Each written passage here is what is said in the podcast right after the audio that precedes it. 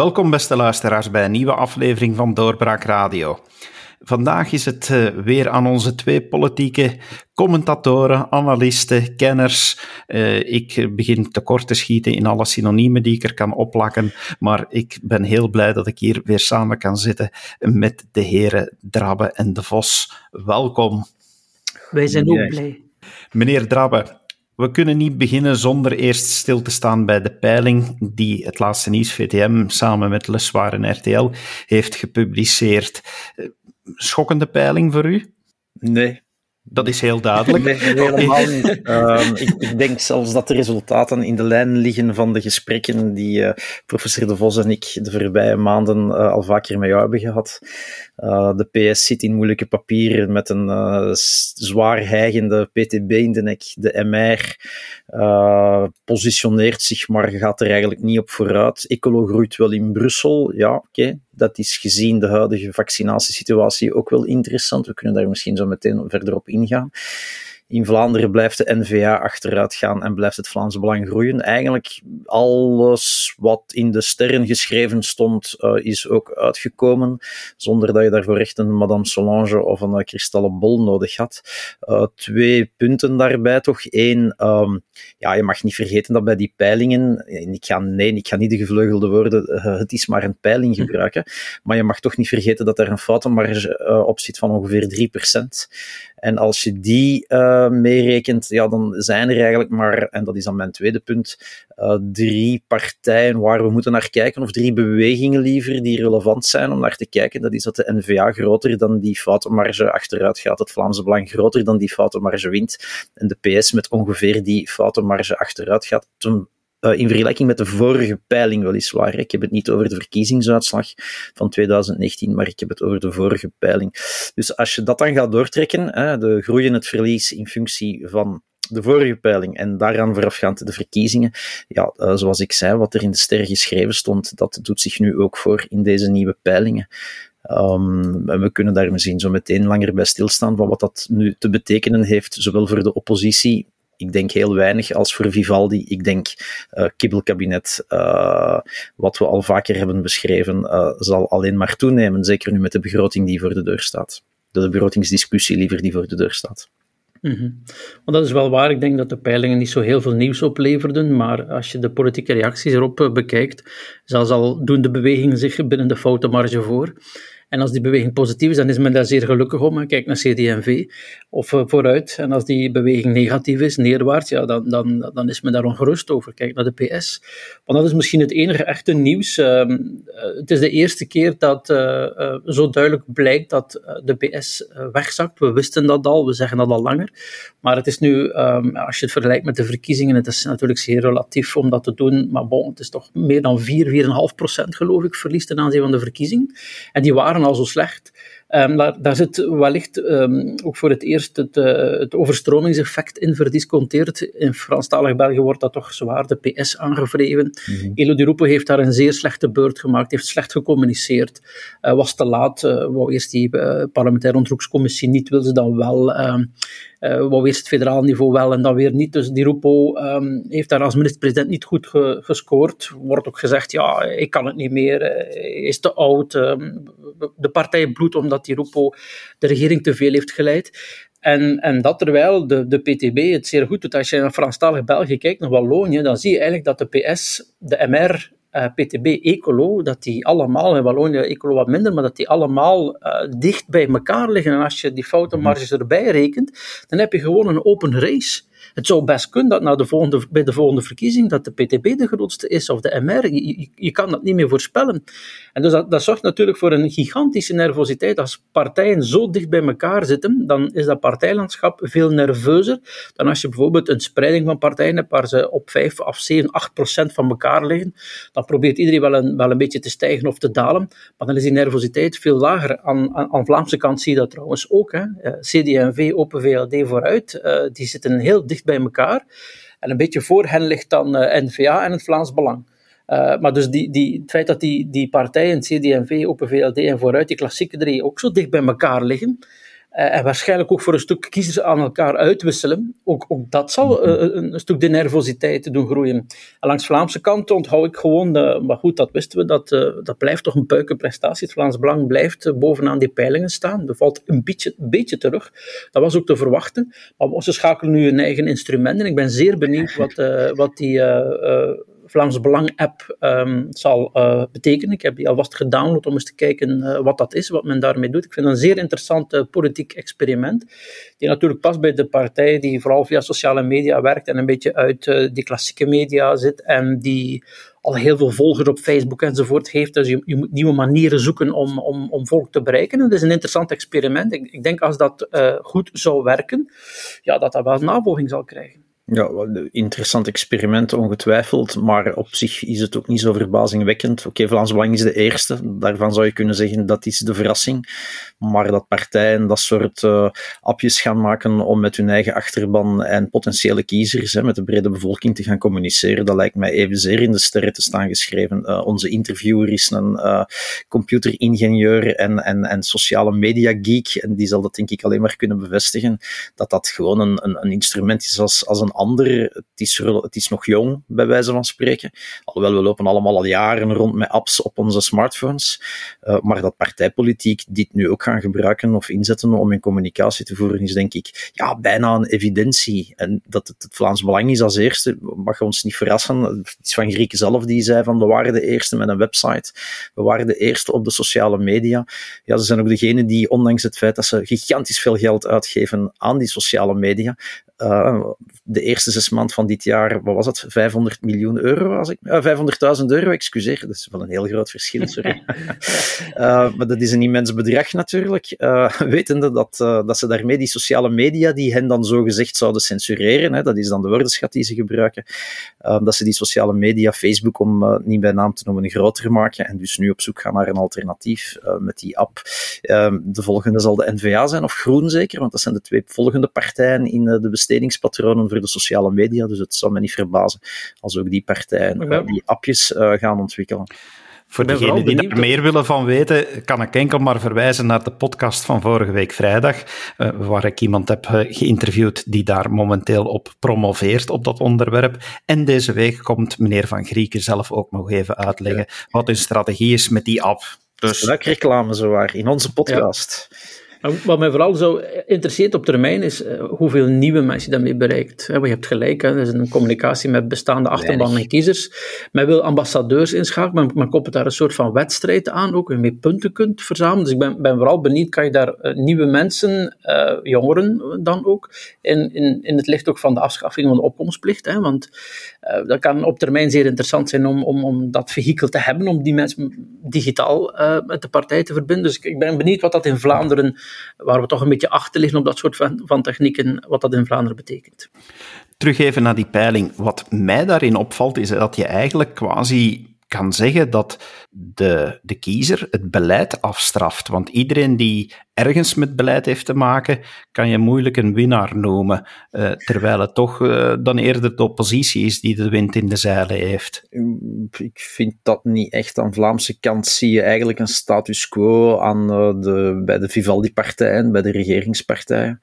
Uh, in Franstalig België zie je dat inderdaad wel. Hè. Daar klopt uw analyse wel, uh, David. Uh, daar is het vooral de PS die bloedt en de PTB die blij. Alhoewel dat de PTB in vergelijking met de vorige peiling toch wel een klein beetje achteruit ging. Maar goed, verwaarloosbaar, foutenmarge, we hebben het er daarnet over gehad. maar dat het, denk ik, toch eerder zich in Wallonië plaatsvindt, die, die, die, kritiek of die, die kritische massa die alleen maar toeneemt. En ik denk inderdaad, wat Karel de Vos daarnet al zei, dat die overstromingen en de aanpak, de opvolging daarvan, daar heel veel mee te maken maken heeft. Um, Karel de Vos verwees daar net al naar Elio Di Rupo, die niet een al te beste beurt heeft gemaakt uh, in de opvolging, hè, in zijn reacties daarop. Um, wie daar denk ik wel een zeer goede beurt heeft gemaakt, dat is de PTB, die letterlijk met boots on the ground, maar ja, dan wel van die groene kachoebotten ja. en niet met legerbotinnetjes, uh, ginder gaan helpen, is huizen gaan stutten, is gaan opruimen, uh, maaltijden gaan bedelen is enzovoort. Het is al bijna zoals uh, Hamas of Hezbollah tactieken die ze voeren om heel direct, hè, na de dokters van het volk, nu de werkers voor het volk worden en de handen uit de mouwen slaan. En dat zal op het netvlies blijven branden van, van de kiezer, ongetwijfeld. En niet alleen die bijdrage, dat militanten, dat aanwezig zijn op het veld van de PTB, maar ja, toch ook die halfslachtige, moeilijke communicatie van de PS, die ze nu probeert recht te zetten uh, met uh, Thomas Dermin, die dan vandaag, het was op de voorpagina van de Standaard, uh, en in Le Soir ook, als ik me niet vergis, die nu uitpakt met, ja, er moet een federaal steunfonds, een steuncomité komen van 1,2 miljard om die mensen, en vooral, nee, vooral om de infrastructuur daar terug op peil te brengen in de Vestervallei en in Luik en in alle gebieden in Wallonië die getroffen zijn door de overstroming van 14 juli. We komen er waarschijnlijk zo meteen nog op, maar um, ik denk, en dat zeggen ook een aantal uh, experts, uh, dat het Vlaams Belang en zeker de PTB op dit moment twee partijen zijn die het meest professioneel, um, dynamisch met een marketing, zal ik maar noemen, strategie bezig zijn. Hè. Dus ook ook in Franstalig België is wat de, wat de PTB daar doet echt indrukwekkend. Hè? Wat het bezetten van het veld, hè? letterlijke boots aan de kraan, kan net zijn, maar ook in de media. Zij kunnen dat uitermate goed. Dat zijn heel slimme marketingjongens. En soms denk ik, oh ja, die, die, die communisten, hoe kennen zij daar nu van? Maar ze zijn daar bijzonder geslepen in. Um, en ja, je voelt dat dat de PS pijn doet. PS ziet af door wat er in, met de overstroming gebeurd is. Maar ik had vorige week nog een gesprek met iemand van, van de vakbond eh, over, over wat, wat komt er de komende weken allemaal op de politieke agenda. En die zei, ja goed, die pensioenen, uh, goed, dat is geparkeerd tot het einde van het jaar. Arbeidsmarkt gaan we wel zien, houden we wel onder controle. Maar bij ons ligt die hele um, loonwet 96 en dan in ah, de professionele akkoord, dat ligt nog altijd zeer, zeer zwaar op de maag. En vergeet niet dat in uh, Wallonië de, de FCTB, dus de Franstalige ABVV, mhm. heeft het loonakkoord afgeschoten. En daar herinneren wij de PS continu aan. De PS wordt continu door, uh, door de sterk door de PTB geïnfiltreerde Socialistische Vakbond eraan herinnerd dat men in de vakbond ontevreden is over wat er al in de regering is beslist. De boodschap is, maak het dus niet erger dan het al is, want we mhm. zijn al niet content. En dus die, die, die druk op de, op, uh, op de PS is, is echt immens. En, en vandaar ook, zoals Kader net zei, dat, dat, ja, in de begrotingsdiscussie, eh, een van de Bleker zegt 3 miljard moet er gevonden worden. Boch, 1 is al genoeg, eh, zeg maar bij de PS. Het zal al moeilijk genoeg zijn om 1 miljard te vinden.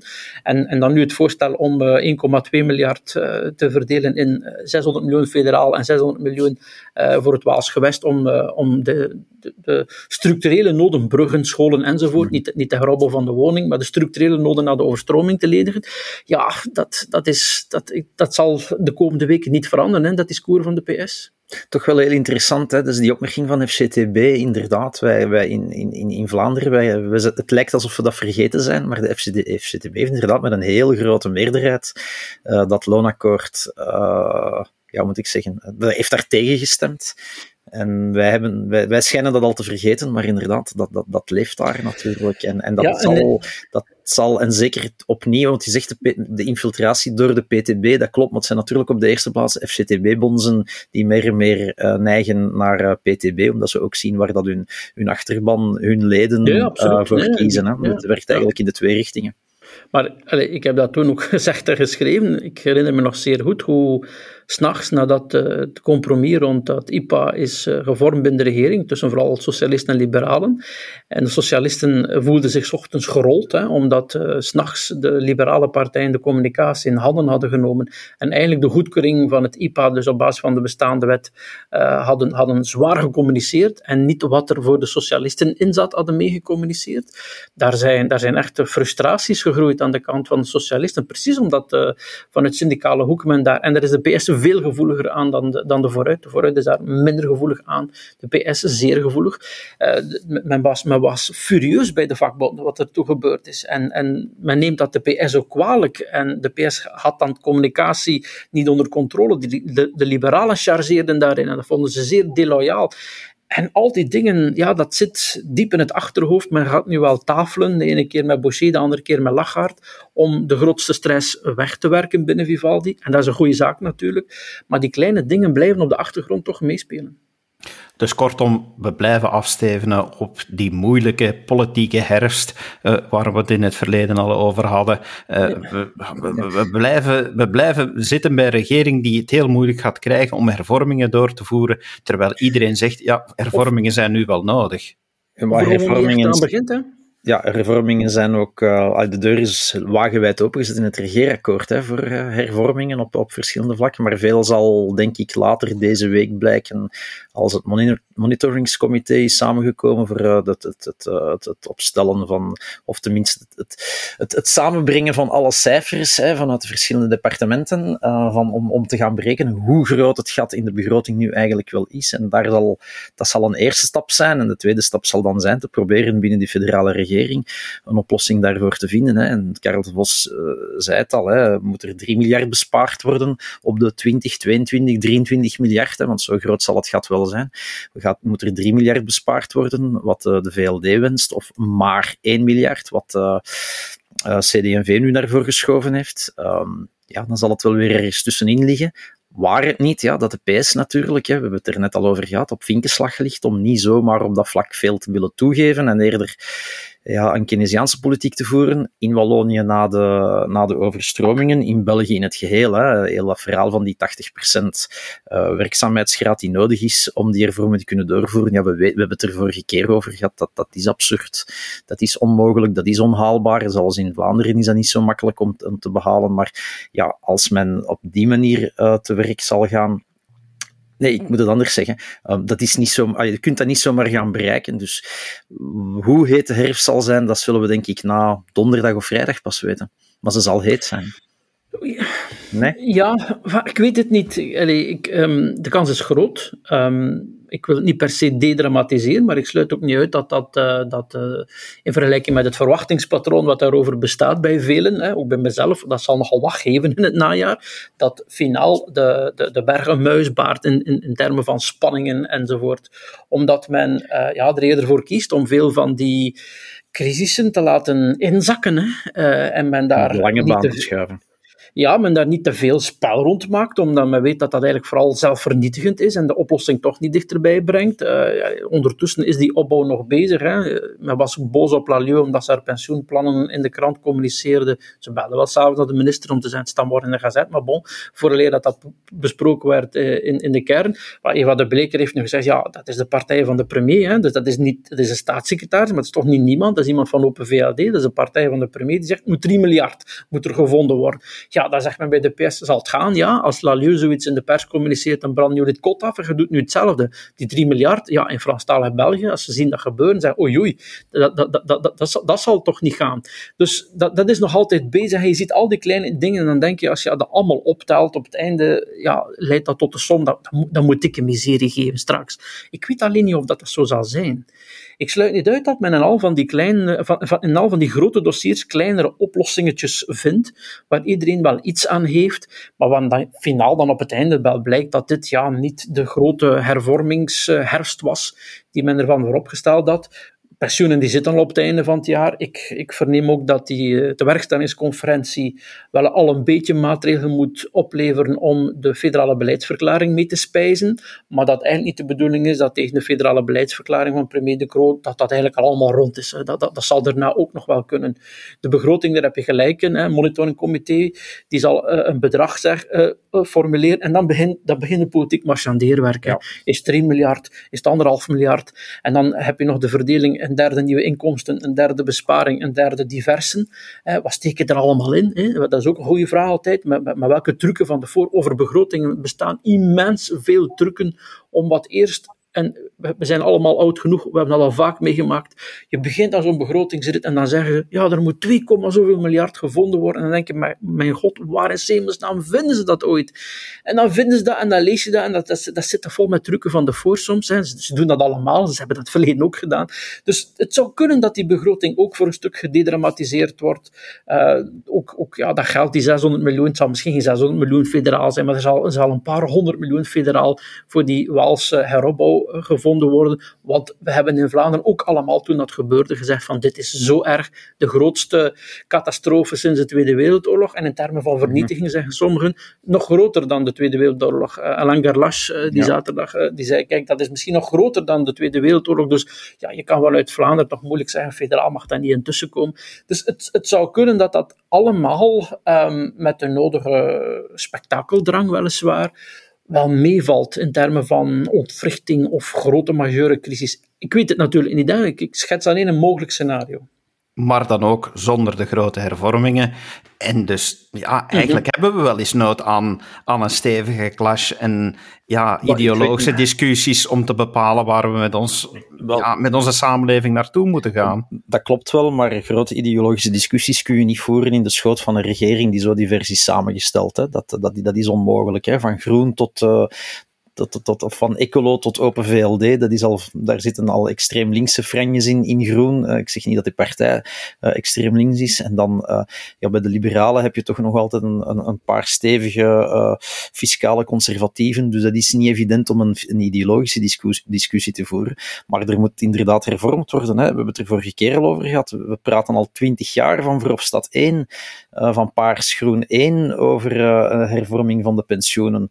Uh, we praten ook al sindsdien over de kernuitstap. Ja, we zijn twintig jaar mm -hmm. later. Dus um, grote hervormingen denk ik dat je sowieso niet moet verwachten. Dat er hervormd wordt, dat zouden we mogen verwachten. Dat daar wordt over geclashed. Ja, dat is wat Karel nu net in vraag stelde. Hè, in de zin van, gaat het een, een, een, een berg van, van meningsverschillen opleveren en discussies? Of zal die berg inderdaad een muizen baren? En dat zou wel eens kunnen naar goede Belgische politieke traditie, dat het uh, allemaal iets zeer krakkemikkigs en onbetekenends uh, zal worden. Um, dan is het niet alleen een berg die geen muizen baart, maar dan zijn het akkoorden die binnenkomen als een raspaard en buiten gaan als een kameel. Hè.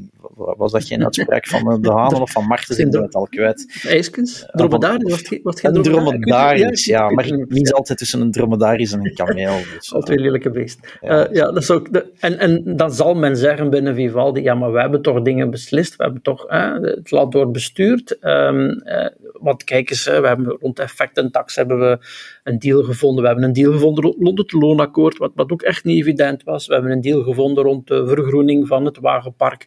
Dus uh, Vivaldi werkt. En, en in, in, die akkoorden die komen in de beleidsverklaring gaan gewoon dingen staan. Er zal nieuw beleid aangekondigd worden, anders kan je die niet eens houden. Dus er zullen dingen in zitten en dan zal men zeggen, voilà, dat, dat, dat is het toch, hè. Wij, zijn bezig. En wie daar dan naast staat te zeggen, het is niet genoeg, ja, dat in een coalitie met zeven partijen gaat dat niet enzovoort. En daarmee zal dan de analyse van, van de NVA, van Bart de Wever, eh, die uiteraard ook door anderen wordt gedeeld, ja, dan zal die wel bevestigd zijn. Alleen, en dat ook uit die peiling nu, goed, ja, dat, dat is heel interessant van NVA om die analyse te maken, maar is de partij NVA zelf nog sterk genoeg, vernieuwingsgezind genoeg, fris genoeg, uh, om, dat, om, dat, um, om zichzelf als een alternatief voor te stellen. Als in, als je voor ons stemt, dan zal die analyse stoppen en komt het allemaal goed. Daar, daar vrees ik voor op dit moment. Maar je springt nu al naar uh, het alternatief van een oppositiepartij. Ik wil toch nog eens even bij Vivaldi echt blijven hangen en bij die vorige peilingen. Uh, want ja, de berg die in muisbaard en het, het, krakje mikkige dagelijkse bestuur. Um, het zou wel eens allemaal kunnen, maar ik wil er dan toch eens op wijzen dat de PS dus begonnen is sorry, begonnen. 26,1% haalde bij de verkiezingen uh, in mei 2019 en dus nu op 21,4% zit. Die partij kan zich ook niet permitteren, denk ik, om uh, een, een, muis te baren, om niks te deliveren, om met bijna lege handen uh, naar het kiespubliek te gaan, gezien die hete adem van de PTB, waar we het iedere keer en vooral vandaag al over gehad hebben. Dus er zal wel iets moeten gebeuren. Maar misschien is iets de stekker uit de regering trekken uh, vroeger dan, dan verwacht. Dat zou ook kunnen. Is heel gevaarlijk natuurlijk. En we weten dat er zo een van de weinige politieke wetmatigheden die iedere keer opnieuw uh, uitkomt, dat is dat de partij die de stekker eruit trekt de verkiezingen verliest. Maar ja, niks doen is ook geen optie. Of nee, niet niks doen, maar uh, tot, tot, tot niet zeggende resultaten komen is denk ik voor de PS ook geen optie. En nu ga ik de parallel maken met de NVA eh, die ze er daarnet maakte. Kijk naar wat eigenlijk Zweeds. De Zweedse regering heeft ook bergen beloofd en alleen maar muizen gebaard. En heeft er onder meer voor gezorgd dat de NVA aan het afkalven is van een partij van ongeveer bijna 30% naar een partij van bijna 20%. Alleen, alleen dat scenario voor ogen houdende... Naar 25. Van 33 naar 25, maar het zit in de buurt. Ja, en de peiling bedoel je nu? Ja. Verhoudingsgewijs klopt het wel. Hè. Um, dus dat is, dat is het scenario dat de PS voor ogen staat. Niet voor ogen staat, maar dat is het scenario dat de PS voor ogen moet houden, denk ik, uh, met deze regering. Uh, maar ja, als de... zien geen alternatief. Hè. Uh, mm -hmm. dat, als de PS natuurlijk uh, erin slaagt om die uh, ingreep in de pensioenen zeer beperkt te houden, iets meer dat Walalieu voorstelt, geen 10 jaar, maar 15 jaar. En voor de rest uh, hebben ze hun grote overwinning al binnen, het minimumpensioen 1500 euro netto als erin slaagt om uh, die begroting uh, wat aan de kant te duwen, hè, die, die 0,2% uh, te verbeteren en niet die 0,4%, omdat de, de groeingsniveau... Daar de PS geen kiezers mee, hè? Nee, maar ik, ik heb het over damage control. Hè. Dus ja, dat, dat werkt niet zeer mobiliserend. En dat, en dat hoor je nu ook bij de PTB. En staat vandaag het laatste nieuws, als ik me niet vergis. Als, als jullie uh, willen dat wij wind uit de zeilen verliezen, dan ga je linksbeleid moeten voeren. En dus wat de PS voor een groot stuk kan doen, is, is schade beperken. Al, al, vind ik, en dat is ook de analyse die we helemaal aan het begin gemaakt hebben toen de regering werd gevormd. Ik heb ze zelf centrum, maar eerder centrum links genoemd. Hè. Als je het mhm. programma van de regering bekeek, dat is een eerder centrum linkse regering. Ik kan moeilijk zeggen dat het echt een centrum-rechtse regering is. Ja, dan heeft de PS ervoor gezorgd dat er centrum-links beleid kwam na de Zweedse regering. Zal dat volstaan? Ik denk, ik denk het niet, maar ze heeft in elk geval de schade beperkt en heeft hier en daar een aantal dingen er kunnen uithalen. PTB, en dat heeft ook het Vlaams Belang natuurlijk mee, heeft nog nooit bestuurd, bestuurt nergens, wil ook waarschijnlijk niet ergens besturen, dus kan met het grootste gemak allerlei straffe uitspraken doen. En, en, en dat, is, dat is natuurlijk aantrekkelijk voor veel kiezers, dus het is zeer moeilijk om daar tegen op te boksen. Maar ik denk dat voor PS uh, dat dat desastreus zou zijn, mochten ze nu naar vervroegde verkiezingen gaan. Dus ik, allez, ik hoor dat wel eens zeggen. Ik hoor dat ook in het uh, kletscircuit passeren. Ja, de, waarschijnlijk denkt de PS aan een vervroegde regeringsval. De liberalen hinten daar nogal op. En zitten jullie hier eigenlijk graag in die regering? Hè? Willen jullie eigenlijk niet die grote coalitie met de NVA? En dus dat daar vervroegde verkiezingen voor zouden komen. Dat de PS ook wil dat die samenvallende verkiezingen verdwijnen. Alsof de PS daar klaar voor is. Alsof ook de NVA daar klaar voor is. Ik denk dat daar op dit moment niemand klaar voor is. Dan ga ik even een andere conclusie proberen dan daarnet. Het is de antipolitiek die voornamelijk zal winnen als men zo verder doet. Maar ook daar wil ik toch weer de nuance van de PTB aanbrengen, David. Ik denk dat we, mm, zeker door het optreden van, uh, de, uh, ja, van de PTB uh, in en rond de Vesdervallei, dat je niet zomaar kunt zeggen dat dat nog een latere antipolitieke partij is, of die alleen maar antipolitieke uh, stemmen uh, beroert. Vergeet niet, ik heb het al vaker gezegd in deze podcast, dat in, in Franstalig België tussen de 20 en de 25 procent van de mensen niet gaat kiezen. Ik denk dat een stuk van de antipolitiek in, in Franstalig België zich daar situeert, bij de kiezers, waar dat, dat in Vlaanderen grosso modo, hè, want wij zitten maar aan 6 procent uh, niet opdagende kiezers, uh, dat dat in Vlaanderen toch vooral het Vlaamse belang is. Dus ook daar denk ik dat je met een communautaire kloof zit uh, wat de antipolitiek betreft. Antipolitiek wordt in Vlaanderen partijpolitiek gekanaliseerd en ik denk in Franstalig België net niet. En dat de PTB wel degelijk een alternatief op links is, wat de PS, PS was vroeger van centrum links, wat, wat, wat meer aan, aan aanmodderende sociaaldemocraten tot extreem links, de partij die alles over, over, uh, overkoepelde, hè, sinds het verdwijnen van de communistische partij in de jaren tachtig. Ik bedoel, uit het parlement dan. Mm um, dus ik denk dat ook die conclusie uh, niet helemaal opgaat, um, tenzij voor één deel van dit land. Het is de uitzending van de bergen en de muizen en de nuance. Um, maar, maar als, ik, ik, volg wat je zegt. Nu, hoe dan ook, is, um, als je dat even uh, opentrekt in een brede perspectief, uh, de resultaten die nu voor de PS in die peiling blijken, zijn ook gewoon slecht nieuws voor wie in Vlaanderen aan staatshervorming wil doen. Hè. Want dat betekent natuurlijk dat, um, dat die gedecimeerde PS, ja, leiderschap daarvan wordt dan in vraag gesteld, hè, uh, wordt, wordt toch voor een stuk intern verzwakt. Men zal bij de PS dan kijken, wie schuld is dat eigenlijk? Uh, dat wil zeggen dat Magnet op dat moment misschien met interne tegenstand te maken krijgt. Uh, er is bijvoorbeeld in Brussel, de PS-vleugel in Brussel is absoluut anti-NVA ja, op zo'n moment wordt, worden rekeningen vereffend. Hè. Dus niet alleen heb je met de PS dan gewoon minder zetels. Um, het leiderschap van die partij wordt gecontesteerd en het leiderschap binnen die partij wordt gecontesteerd. Dus um, er zijn altijd mensen in Vlaanderen die, die zeggen, goed, dat is een goede zaak dat de PS verliest, maar bon, als, als, als, vanuit, als het, vanuit het oogpunt van er moet een grote hervorming komen in ook een hervormd land, een sterkere PTB, dat is een Belgicistische partij, dat is een unitaristische partij. Hè? Dus, dus dat, dat is geen goed nieuws voor degenen die in Vlaanderen die grote hervormingen willen. En, en, en meer dan ooit voel je in het discours, zeker bij N-VA, men, men, men koppelt daar gewoon de toekomst aan vast. En de afspraak in 24 is een afspraak met de geschiedenis, maar het is ook een afspraak met de PS. Dus een verzwakte PS betekent dan uh, wel slecht nieuws. Een verzwakte PS in een niet meer leidend Wallonië, maar in een noodleidend Wallonië. Hè? Ik bedoel, we hebben altijd bevoegdheden ja. voor geld uh, verhaald, maar dan ga je straks niet alleen geld geven aan, Frans, aan Wallonië in dit geval, uh, maar ook nog eens bevoegdheden. Bevoegdheden waar dat zij straks ja, waarschijnlijk niet de fiscale middelen, fiscale, waar, de, waar zij niet de financiële middelen zal voor kunnen opbrengen om die te gaan vervullen, hè, om die te goed uitvoeren. Ik verwijs maar naar de problemen met het Franstalig onderwijs uit het verleden, die voor een paar staatshervormingen hebben gezorgd. Daar heb je gelijk in, Karl, maar dan, ik blijf erbij, ik ben nog altijd niet, niet overtuigd. Uh, de, de, redenering die men dan maakt is, um, in, het scenario zoals je dat beschrijft, zal de PS met het mes op de keel um, wel een staatshervorming slikken en een herziening dat van de ik, ja, maar dat denk ik dus niet. Net, ah, omdat, ja, het niet, net omdat het niet leidend is. Pas op, ik dacht dat voor, laten we zeggen, 14 juli, dacht ik dat die optie nog wel enige uh, mogelijk, dat daar nog een zekere mogelijkheid in zat. Maar ik denk sindsdien, Wallonië is niet meer leidend, maar noodleidend. En ja, een staatshervorming betekent ook meer bevoegdheden, maar daar gaan geen financiële middelen voor zijn, voor Franstalige voilà. Of voor Dus ik denk dat de PS niet alleen omdat ze kleiner wordt, maar gewoon omdat Wallonië in zo'n slechte financiële papieren zit, dat de, het aantal vragende partijen, zal ik maar zeggen, aan de andere kant van de taalgrens gewoon slinkt met de zon. Ja, en wat je ook aanbiedt vanuit Vlaanderen zal sowieso beter moeten zijn dan de huidige financieringswet. Die gaan zich ja. niet verslechteren. Hè? Ja. Je hebt twee derde, je hebt 100 op de 150 zetels nodig. Als je dat heel simpel bekijkt, waarom, waarom zou men vanuit Franstalige kant een staatshervorming uit herziening van de financieringswet accepteren die hen verarmt in vergelijking met de situatie vandaag.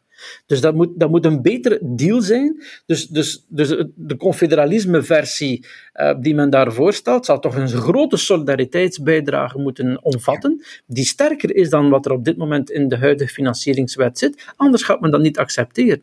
En ik heb op het congres zaterdag gehoord dat men uh, aan de ene kant in Franstalig België wel die genuanceerde boodschap van wij voorzien echt wel solidariteitsmechanismen in ons confederalisme, maar als, als, als Bart de Wever, die toch de meest uh, toonzettende NVA spreekt, dan zegt hij, ja, we gaan, we gaan hen de facturen laten betalen.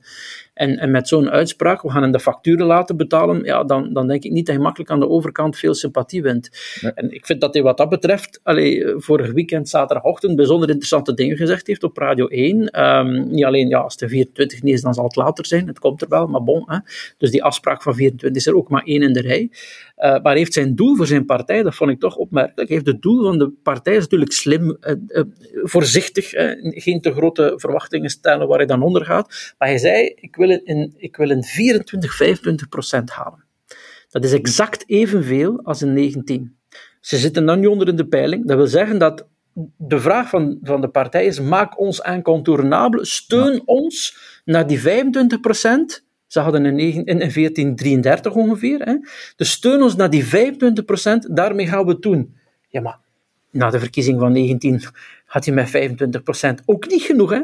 Dus, dus ik, vond, ik vond dat straf. Ik had gedacht, ja, men zal terug naar, naar de score van 14 grijpen. Hè? Dat, dat, moet, dat moet boven, we herinneren nog in de campagne, moet boven de 30 zijn. Als we niet boven de 30 zijn, dan halen we dat niet. En nu zeggen ze 25. Dat vond ik opvallend. Dat is wel uh, 4% meer dan in de laatste twee peilingen. Dus dat is al buiten de foutenmarge. Dus dat is al niet makkelijk. Waar moeten die kiezers vandaan komen? Ik denk niet dat ze die kunnen weghalen bij het Vlaams Belang, tenzij dat er daar brokken worden gemaakt op de, de, de ranzige extreemrechtse kant, uh, om, om het dan maar zo te noemen. Uh, dus die moeten dan gehaald worden bij Open VLD en CD&V. Um, ook niet eenvoudig, denk ik. Um, tenzij, ja, voor de zomer gonzen het toch af en toe van de geruchten over de vijandige dan wel vriendelijke, naar gelang van tot welke kam dat je behoorde, overname van de CD&V door NVA, door mits kartelvorming en, en, en, weet ik het. Uh, ik zie, maar ik zie anders niet hoe dat, uh, hoe dat men dat gaat doen. Uh, want um, ja, het is nu ook niet zo dat, uh, dat de oppositiepolitiek van de NVA. Ja, oké, corona is nu aan het uitdoven, zal ik maar zeggen. Dus misschien dat er een en ander wel zal veranderen, ook in de perceptie van uh, Vivaldi en van oppositie. En dat de NVA sterker, uit die sterker zal staan als oppositiepartij. Uh, beter uit de verf zal komen dan het afgelopen anderhalf jaar is gebeurd. Ja, misschien. Dat is mm weer die kristallenbol die we, totaal, die we niet in ons, in, in ons bezit hebben. Hè die herverkaveling die zou wel eens op lokaal vlak zich kunnen voordoen. Uh, in 24, 24 zijn er ook die lokale verkiezingen, omwille van die nieuwe spelregels die er zijn. Um, op het regionaal-federaal niveau, ja, ik, ik, hoor binnen CD&V dat men op zoek is naar een nieuw verhaal en de partij herlanceren vanuit, vanuit de eigen partij. En dat, daar staat de optie de partij laten opgaan in een groter geheel met NVA nu toch niet op de agenda. En ik, ik denk niet echt dat dat het er nog op krijgt, hè, want partijen zijn al bezig met data te prikken op weg naar 24. Wanneer gaan we waar, welke congressen organiseren? Men zit, oké, okay, er is een elk bedrijf dat zich jaren voorbereidt op een belangrijke beursgang of grote innovatie. Er zijn ook partijen daar jaren op voorhand mee bezig. Dat is niet erg, dat is goed. Uh, maar dus men zit al in de flow van, van, vanuit zichzelf dat proberen te doen. Dus ik verwacht dat voor 24 niet. Die herverkaveling kan wel op uh, lokaal niveau. Je hebt, je hebt gelijk, hè, je hebt gelijk, Karel. De, de, de, de groei van NVA zal vooral vanuit dat centrum moeten komen. En daar hebben ze een analyse, zie je wel, het werkt niet, het systeem werkt niet. Veel mensen delen dat. Wat is even wel het gigantisch probleem van NVA nu, vind ik? Ze zijn al 17 jaar lang zelf in de Vlaamse regering het aan het doen. Vroeger zeiden ze, ja, maar wij zijn daar een kleine speler. Mhm. En dus we wegen niet. En toen moest Geert Bourgeois weg en uh, via Bart de Wever kwam Jan Jambon. De partij is incontournabel. Bij de Vlaamse regeringsvorming was N-VA niet te vermijden. Dus ze zijn incontournabel in Vlaanderen. En je kan toch niet zeggen, wat is dat nu de schuld van corona? Je kan niet zeggen, wauw, dat is, dat, is, dat is toch een fantastische regering. Ze hebben het vier jaar in de periode 14-18 kunnen doen in de droomcoalitie, de Zweedse regering. En toen was de schuld van Chris Peters dat niet ging. Hè? De regering is toch gevallen over Marrakesh-pact. Dus wat is het probleem bij veel mensen? Ik hoor dat ook in, in, als, ik, als ik lezingen geef. Ja, er is nog altijd een idee, ja, die NVA, dat, dat, die hebben een goede analyse. Maar ze hebben het in Vlaanderen al lang zelf mogen doen. En ze hebben het een keer federaal mogen doen. En, en dat blijkt niet meteen dat dat allemaal veel beter en veel anders is dan als ze er niet bij zijn. En ik denk dat dat een beetje het probleem is, dat, dat, ja, dat die, die boodschap na al die jaren ze bestaan, ik was er nog met Geert uh, Bourgeois over aan het spreken dit weekend, die zeggen, we bestaan nog maar twintig jaar als NVA. En je moet dat eens vergelijken met de Volksunie, die wanneer was het, 54 is opgericht. Ja, maar één verschil, NVA heeft in tien jaar, uh, je ziet wanneer eigenlijk de, de, de echte geboorte van NVA was in 2009, toen het kartel afliep, zal die partij nog wel bestaan.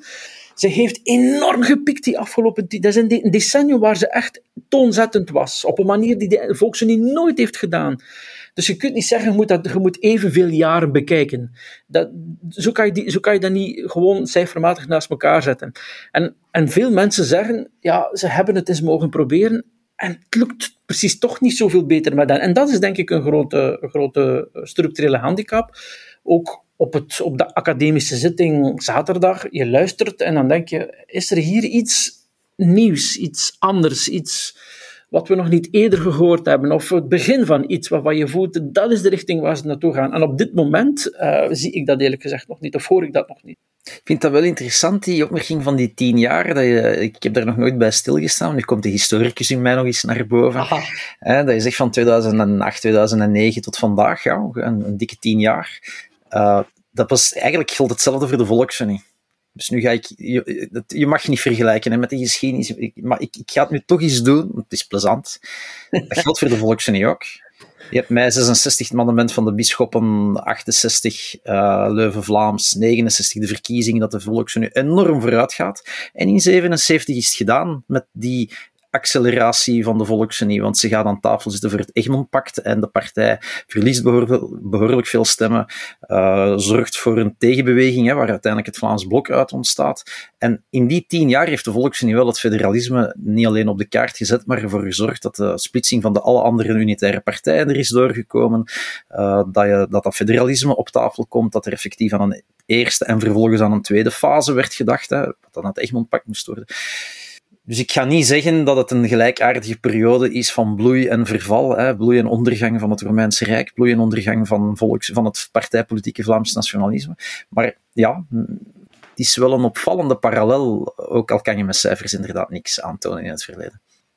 Een laatste vraag. Als we de schijnwerpers dan veranderen naar het kiezerspubliek, zou het kunnen, om dan eh, de woorden van u te gebruiken, meneer Drabbe, dat het feit dat Wallonië van leidend naar noodlijdend is gegaan, dat dat een heel ander effect gaat hebben op het kiespubliek zelf, dat zij de situatie anders gaan bekijken en dat daardoor ja, er een verandering moet komen, omdat partijen gaan voelen dat de onderstroom misschien van richting verandert?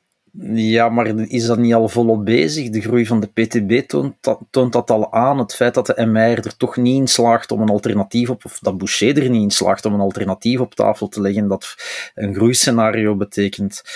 Um, ik, ik denk maar aan de Vlaamse kant dan? Ah, ik, sorry. Oei. Nee. Ik denk niet dat want dat zou dan bijna impliceren dat er een grote groep Vlamingen zou zijn die nu zegt van ja, maar we willen solidair zijn met Wallonië omwille van wat er daar gebeurd is en hoe dat het daaraan toe gaat. Ik denk dan niet. Ik denk dat uh, die, uh, dat soort solidariteit zich misschien wel aftekent op het uh, privé-terrein. Mensen die dan zelf de auto inspringen, individueel of met hun plaatselijke vereniging, om, om te gaan helpen. Maar om dat nu partijpolitiek te gaan vertalen, ik denk dat niet. Ik, ik geloof dat niet. Ik denk dat daarvoor de, de kiezerskorpsen van de beide grote uh, deelstaten te verschillend zijn. Dat, niet alleen kiezerskorps bedoel daarmee ja, sociale welvaart, uh, inkomen, eigendom enzovoort. Dat, dat, dat, dat, dat het echt wel twee verschillende werelden zijn. Niet alleen twee verschillende democratieën, maar echt wel twee verschillende werelden. Dat die impact zich niet zal laten gelden van wat er daar gebeurt op het Vlaamse kiesgedrag. Of het kiesgedrag en, en omgekeerd omgekeerd, professor? Want uiteindelijk ja, weten we uit, uit onderzoek dat heel veel van de kiezers die nu op V-partijen stemmen, niet onmiddellijk zouden instemmen met een onafhankelijk Vlaanderen. Mhm. Maar zou dat gevoel kunnen veranderen? Dat, vrij, dat, blijft vrij stabiel. Um, er is uh, volatiliteit, kiezers, veel beweging tussen partijen. Wel de afgelopen uh, jaren en decennia, maar de fundamentele houding over het, zeg maar, het staatkundige blijft relatief stabiel. Het gros der Vlamingen wil wel hervormingen in een federale setting binnen België, op een of andere manier. We weten meestal niet goed welke richting, maar bon, er moet iets hervormd worden. Een kleine groep wil Vlaamse onafhankelijkheid, een kleine groep wil die eh, federalisering ongedaan maken. En dat blijft vrij stabiel. Het enige wat je nu merkt, en ik weet niet of dat politiek echt uitgespeeld zal worden. Ja, eh, Groen en Open VLD zullen het doen, maar zal het ook electoraal lonen? Ik weet het niet. Is dat je wat, wat lang ondenkbaar was, namelijk een herfederaliseringspiste, ook politiek gelanceerd zult zien. Uh, staatshervormingen, alle zes tot nu toe, hebben uitsluitend voormalig federale bevoegdheden naar de regio's uh, gebracht. Hebben we nog nooit het omgekeerde gedaan. Dat, is, dat, kan niet. Dat gaat ten, tegen elke doctrine binnen de Vlaamse beweging. Maar um, ja, het, zou, het, is niet uitgesloten, het is ook niet te voorspellen, het is niet uitgesloten dat in 24, als er over communautaire wordt gepraat, ook eens de omgekeerde beweging in zeer beperkte mate het zal misschien eerder symbolisch zijn, waar de omgekeerde beweging ook wordt ingezet. Ik sluit ook niet uit dat, wat het ook maar zal betekenen, die eh, burgerbevraging en die oefeningen die men nu zal doen om thema's te agenderen, ik, ik, ik hoor dat Patrick de Waal tijd vrijmaakt uh, om zich daar uh, in, in mee bezig te houden. En de partij wil daar echt werk van maken. En als Open VLD dat doet, dan denk ik dat ze dat niet zal doen om het confederalisme, waar ze ooit voor waren, te herin te voeren. Dus men zal dat, denk ik, er zullen denk ik partijen zijn die dat in 24 op de tafel zullen leggen. Of dat er veel electoraal zal doen bougeren, ik denk het niet, maar dat zou wel eens nieuw kunnen zijn. En maakt het op dat moment natuurlijk ja, wel weer nog wat complexer. En tegen dan hebben al die partijen een appje om hun achterban te mobiliseren, om Hoera! al de standpunten in te, in te nemen, uh, groen of rood te stemmen in die grote burgerbevraging. Nog meer apps op onze gsm. Ja, maar de stabiliteit gaat dus moeten komen van deze podcast en onze analyses die we blijven maken. Dus daar zullen wij wel voor zorgen. Oké. Ja. Goed, meneer Drabbe, meneer De Vos, uh, hartelijk dank voor deze analyse en hopelijk tot binnen twee weken voor de volgende. En u ook, beste luisteraar, hopelijk tot dan. Dag. Dag.